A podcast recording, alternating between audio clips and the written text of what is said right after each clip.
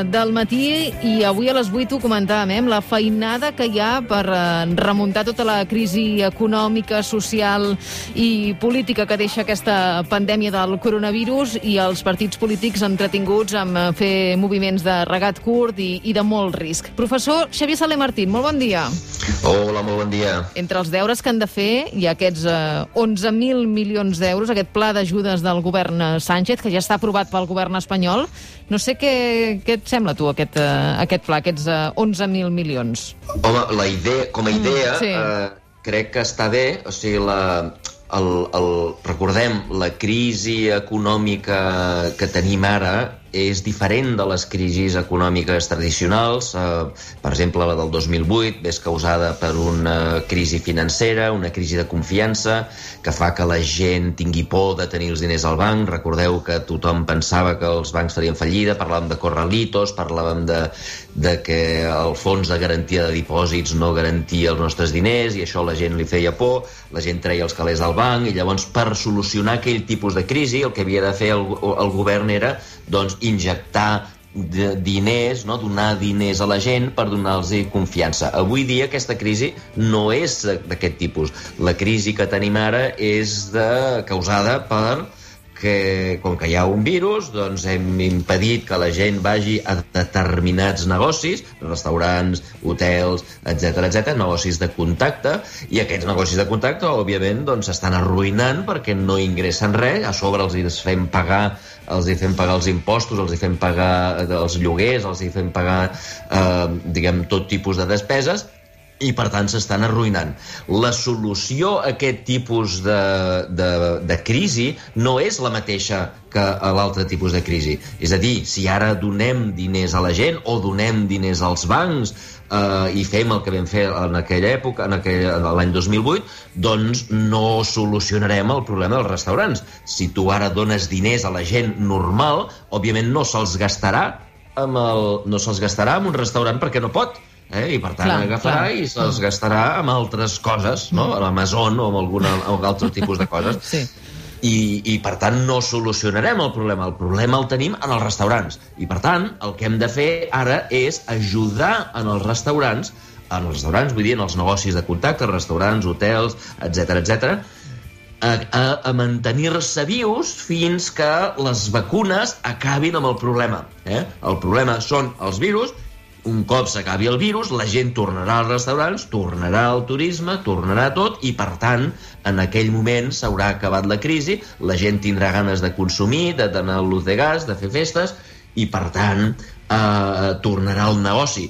El que hem de fer és mantenir vives a totes aquestes empreses que estan a punt de tancar, en aquests sectors particulars, perquè quan tornin els turistes doncs hi hagi lloc on gastar. Eh? Si resulta que l'estiu tornen els turistes i no hi ha restaurants, l'economia no es recuperarà, no tornarem a contractar cambrers i cambreres perquè, doncs perquè no hi haurà restaurants. I per tant l'objectiu és mantenir-los vius. I el programa aquest no l'europeu. Eh? El, el, el programa europeu que ja hem criticat altres vegades no arregla res d'això. El que arregla, el, el programa aquest d'11.000 milions que fa el govern d'Espanya, aquest, una part petiteta, uns 7.000 milions, van dedicats a arreglar aquest tipus de problemes i, per tant, va en la bona direcció. El problema és que és petit, Ja. el problema és que, mm, diguem, per la quantitat d'empreses afectades que hi ha, eh, diguem, 7.000 milions eh, d'euros eh, a Catalunya li tocarà, mm, eh, li hauria de tocar uns 1.400 milions, perquè Catalunya és el 20% de l'economia espanyola, el 20% de 7.000 milions serien 1.400, jo suposo que li tocarà una mica menys de 1.000, eh, perquè ja han dit que una part important anirà a Balears i Canàries, que són, tenen, tenen una concentració més gran de turisme, i per tant mil milions, tot i que són benvinguts, eh, són benvinguts, jo crec que no arreglarà el problema. Per tant, bona idea, però petita. I, I el fet que les ajudes directes les canalitzin les comunitats autònomes té lògica? Funcionarà? Sí, bueno, eh, una mica és igual qui les canalitzi, és, diguem, eh, està bé, la, quan, quan més a la vora de la gent es gestionin les coses, millor, eh? eh? I les comunitats autònomes estan més a la vora de la gent que no pas el govern central, i el govern central està més a la vora de la gent que els governs europeus, eh, i per tant eh, està bé. Però aquesta no és la part, qui, qui ho gestiona, Uh, no és ben bé el més important, tot i que està bé que siguin les comunitats autònomes, el, el que seria important és que això tingués una magnitud suficient com perquè sobrevisquessin el, una gran quantitat, la major part d'empreses i petites empreses d'aquests sectors, per això, per fer com una mena de pont, no? que hi hagi un pont fins que torni l'eufòria eh, un cop desaparegui el virus. Clar, aquest és un repte amb el que es troben els governs de tot el món, eh? el govern català, el govern espanyol i el govern, per exemple, nord-americà, els Estats Units. En aquest cas, eh, Joe Biden ha aconseguit que li aprovin un pla, aquí les xifres ja eh, són de, de traca, eh? un pla d'1,9 bilions de dòlars i d'aquest pla destaca una ajuda directa de 1.400 dòlars per persona. Eh, té sentit un xec així? No, no, no. Això és el que deia abans. Eh? El, aquí és un error, jo crec que això és un error del Biden. De fet, ja, ja, ja va ser-hi aquest error, el, el Trump, el primer plan. Recordeu, aquest plan de 1.900 bilions, eh, diguem, per, per fer-nos una idea, eh? a, a Europa ha fet un pla un pla de 0,75 bilions d'euros. Eh? 0,75. El pla Biden d'ara és de 1,9, però és que és el tercer pla. Sí, sí, al Nadal, el Trump en va fer un altre d'aproximadament eh, un altre bilió i el mes de març-abril, just quan començava la pandèmia, en van fer un altre de 2 bilions addicionals. Per tant, els americans porten 5 bilions d'ajudes, 5 bilions d'ajudes, i tota Europa, Europa és més gran que els Estats Units, eh? Europa és més gran que els Estats Units, doncs en lloc de 5 bilions, ells, eh, nosaltres hem fet uns 0,75 eh, 0,75 per tant, bilions. Per tant, una, i encara Europa encara no ha gastat res. Eh? Europa és una cosa que començarem a gastar el mes de juny, quan els americans hi hauran gastat 5 bilions. Um, els americans, diguem, fan moltes ajudes a les petites empreses, ajudes als governs locals mm. i, i les, uh, diguem, els estats, diguem, que serien les comunitats autònomes, etc uh, etc i tenen molts ajuts directes. Sobre això, sobre els ajuts que van fer ja al mes d'abril, el que van, ja s'han fet estudis econòmics i una de les coses que es van demostrar una de les coses que van demostrar és que, precisament, el que va passar és que en lloc de gastar-se els diners, aquests ajuts directes a la gent, en lloc de gastar-los en els restaurants, per entendre'ns, el que va fer la gent va ser gastar-s'ho a Amazon. Eh? Es van comprar mm. iPads, es van comprar altres coses, i per tant, diguem, és veritat que la gent està molt contenta perquè van rebre una ajuda i, i, i, i, i a molta gent, a molta gent, aquesta ajuda li va anar molt bé perquè estaven a l'atur i per tant no es van gastar els, els calés amb Amazon sinó que se'ls van gastar en menjar, etc etc. però en efectes, els efectes agregats, els efectes macroeconòmics de tot això, no va ser ajudar a la restauració. Per què? Doncs perquè la restauració estava tancada. Clar. És el que estàvem dient abans, no? no o, diguem, el que cal ara mateix és eh, eh, ajudar a la gent que s'ha quedat a l'atur, és a dir, plans d'atur, que això, això els Estats Units també ho tenen, eh? a banda del 1.400 eh, dòlars per persona, també tenen eh, atur eh, per la gent que s'ha quedat sense feina, això sí que s'ha de fer, eh?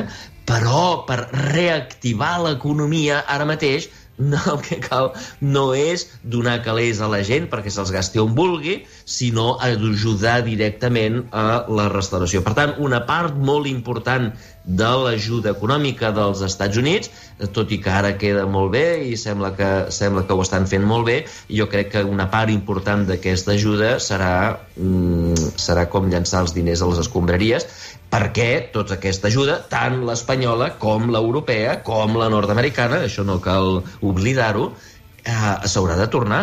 Clar. S'hauran de pujar els impostos en el futur o s'haurà de gastar menys amb alguna altra cosa per tornar aquests calés.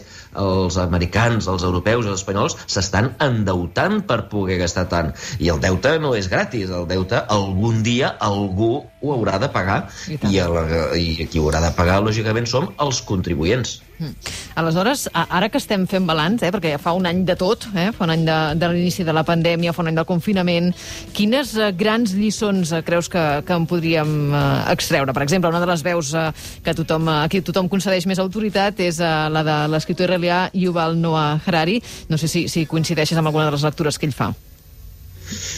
Eh, bueno, ell posa molt d'èmfasi amb, la, amb, el, amb l'èxit que hi ha hagut amb la infraestructura digital, que això mm. eh, jo crec que és veritat, Uh, i després ell posa èmfasi també en, uh, amb, amb els sistemes sanitaris i diu que s'ha d'invertir més en sistemes sanitaris jo crec que la, la lliçó, les dues lliçons principals a, a banda de la, del sistema digital jo crec que haurien de ser la primera que eh, la comunitat científica ha sigut ha tingut un èxit espectacular.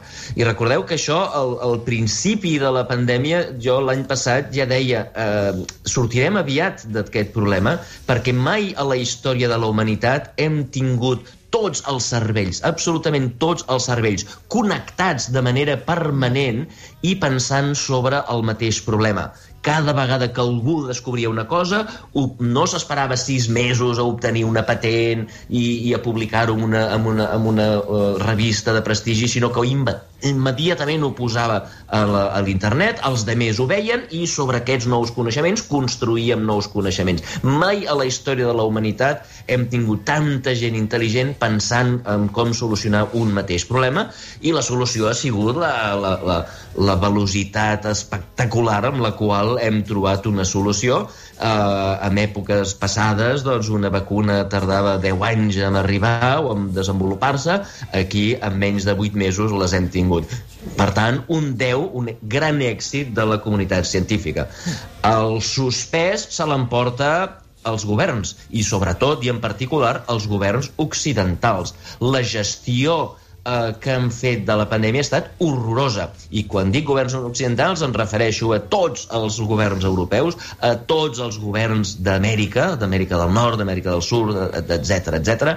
els governs... Eh, eh, I per què ho dic? Doncs perquè si ho comparem amb el que ha passat a Orient, Uh, I Orient no només vull dir la Xina, que han pogut uh, posar la gent a la presó si realment si s'anaven a comprar al supermercat, sinó en països democràtics orientals, Singapur, uh, Taiwan, eh, Japó, Corea, etc. I no només asiàtics, sinó també Nova Zelanda, Austràlia, doncs tots aquests ens han donat una lliçó de com gestionar, una gestió de prevenció. Eh, no pot ser que el govern s'autoproclami que és el que defensa, el que ens, els que ens ajudarà quan tinguem problemes de salut i que se li hagi passat pel, pel davant un virus. Eh, és, que, és que aquí no, no teníem ni mascaretes, recordeu, fa un any no teníem mascaretes quan va venir un, un xinès aquí, un, un, un metge xinès, i va fer una roda de premsa i va veure que la gent no portava mascaretes, es va quedar horroritzat.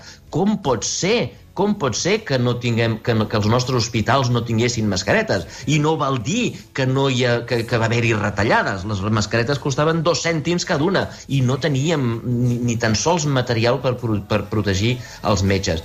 Um, això és un fracàs monumental del sistema de gestió pública a tot arreu, Estats Units, Europa, eh, Sud-amèrica, etc etc.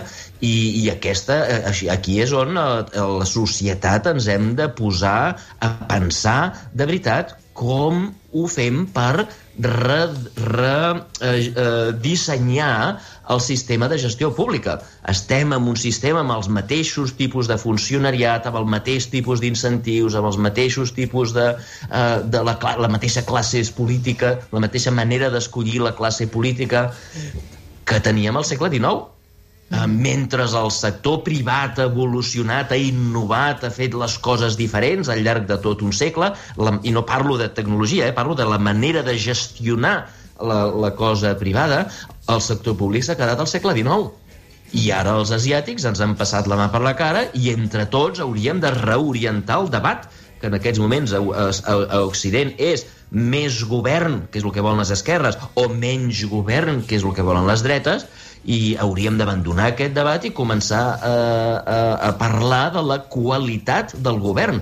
Com podem fer perquè els governs, en lloc d'estar-se barallant amb tonteries com s'estan barallant ara per tot arreu, quan estem al mig d'una crisi, una crisi de vacunes, una crisi...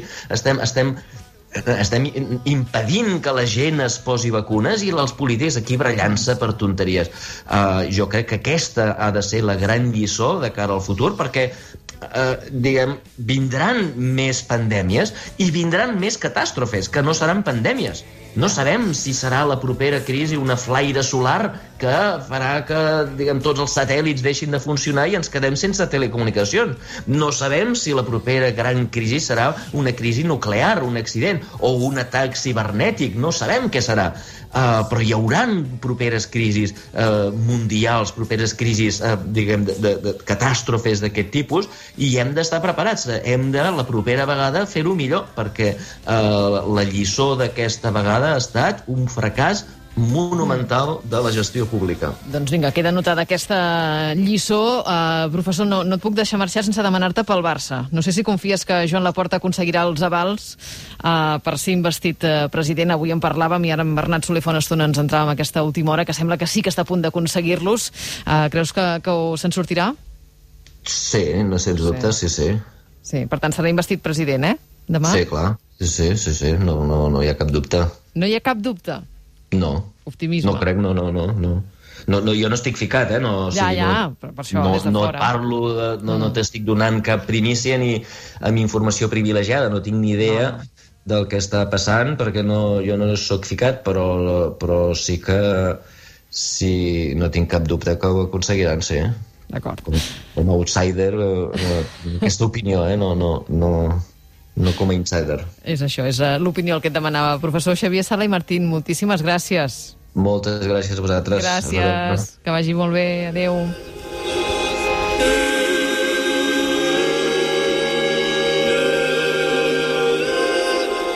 El matí de Catalunya Ràdio, amb Laura Rossell.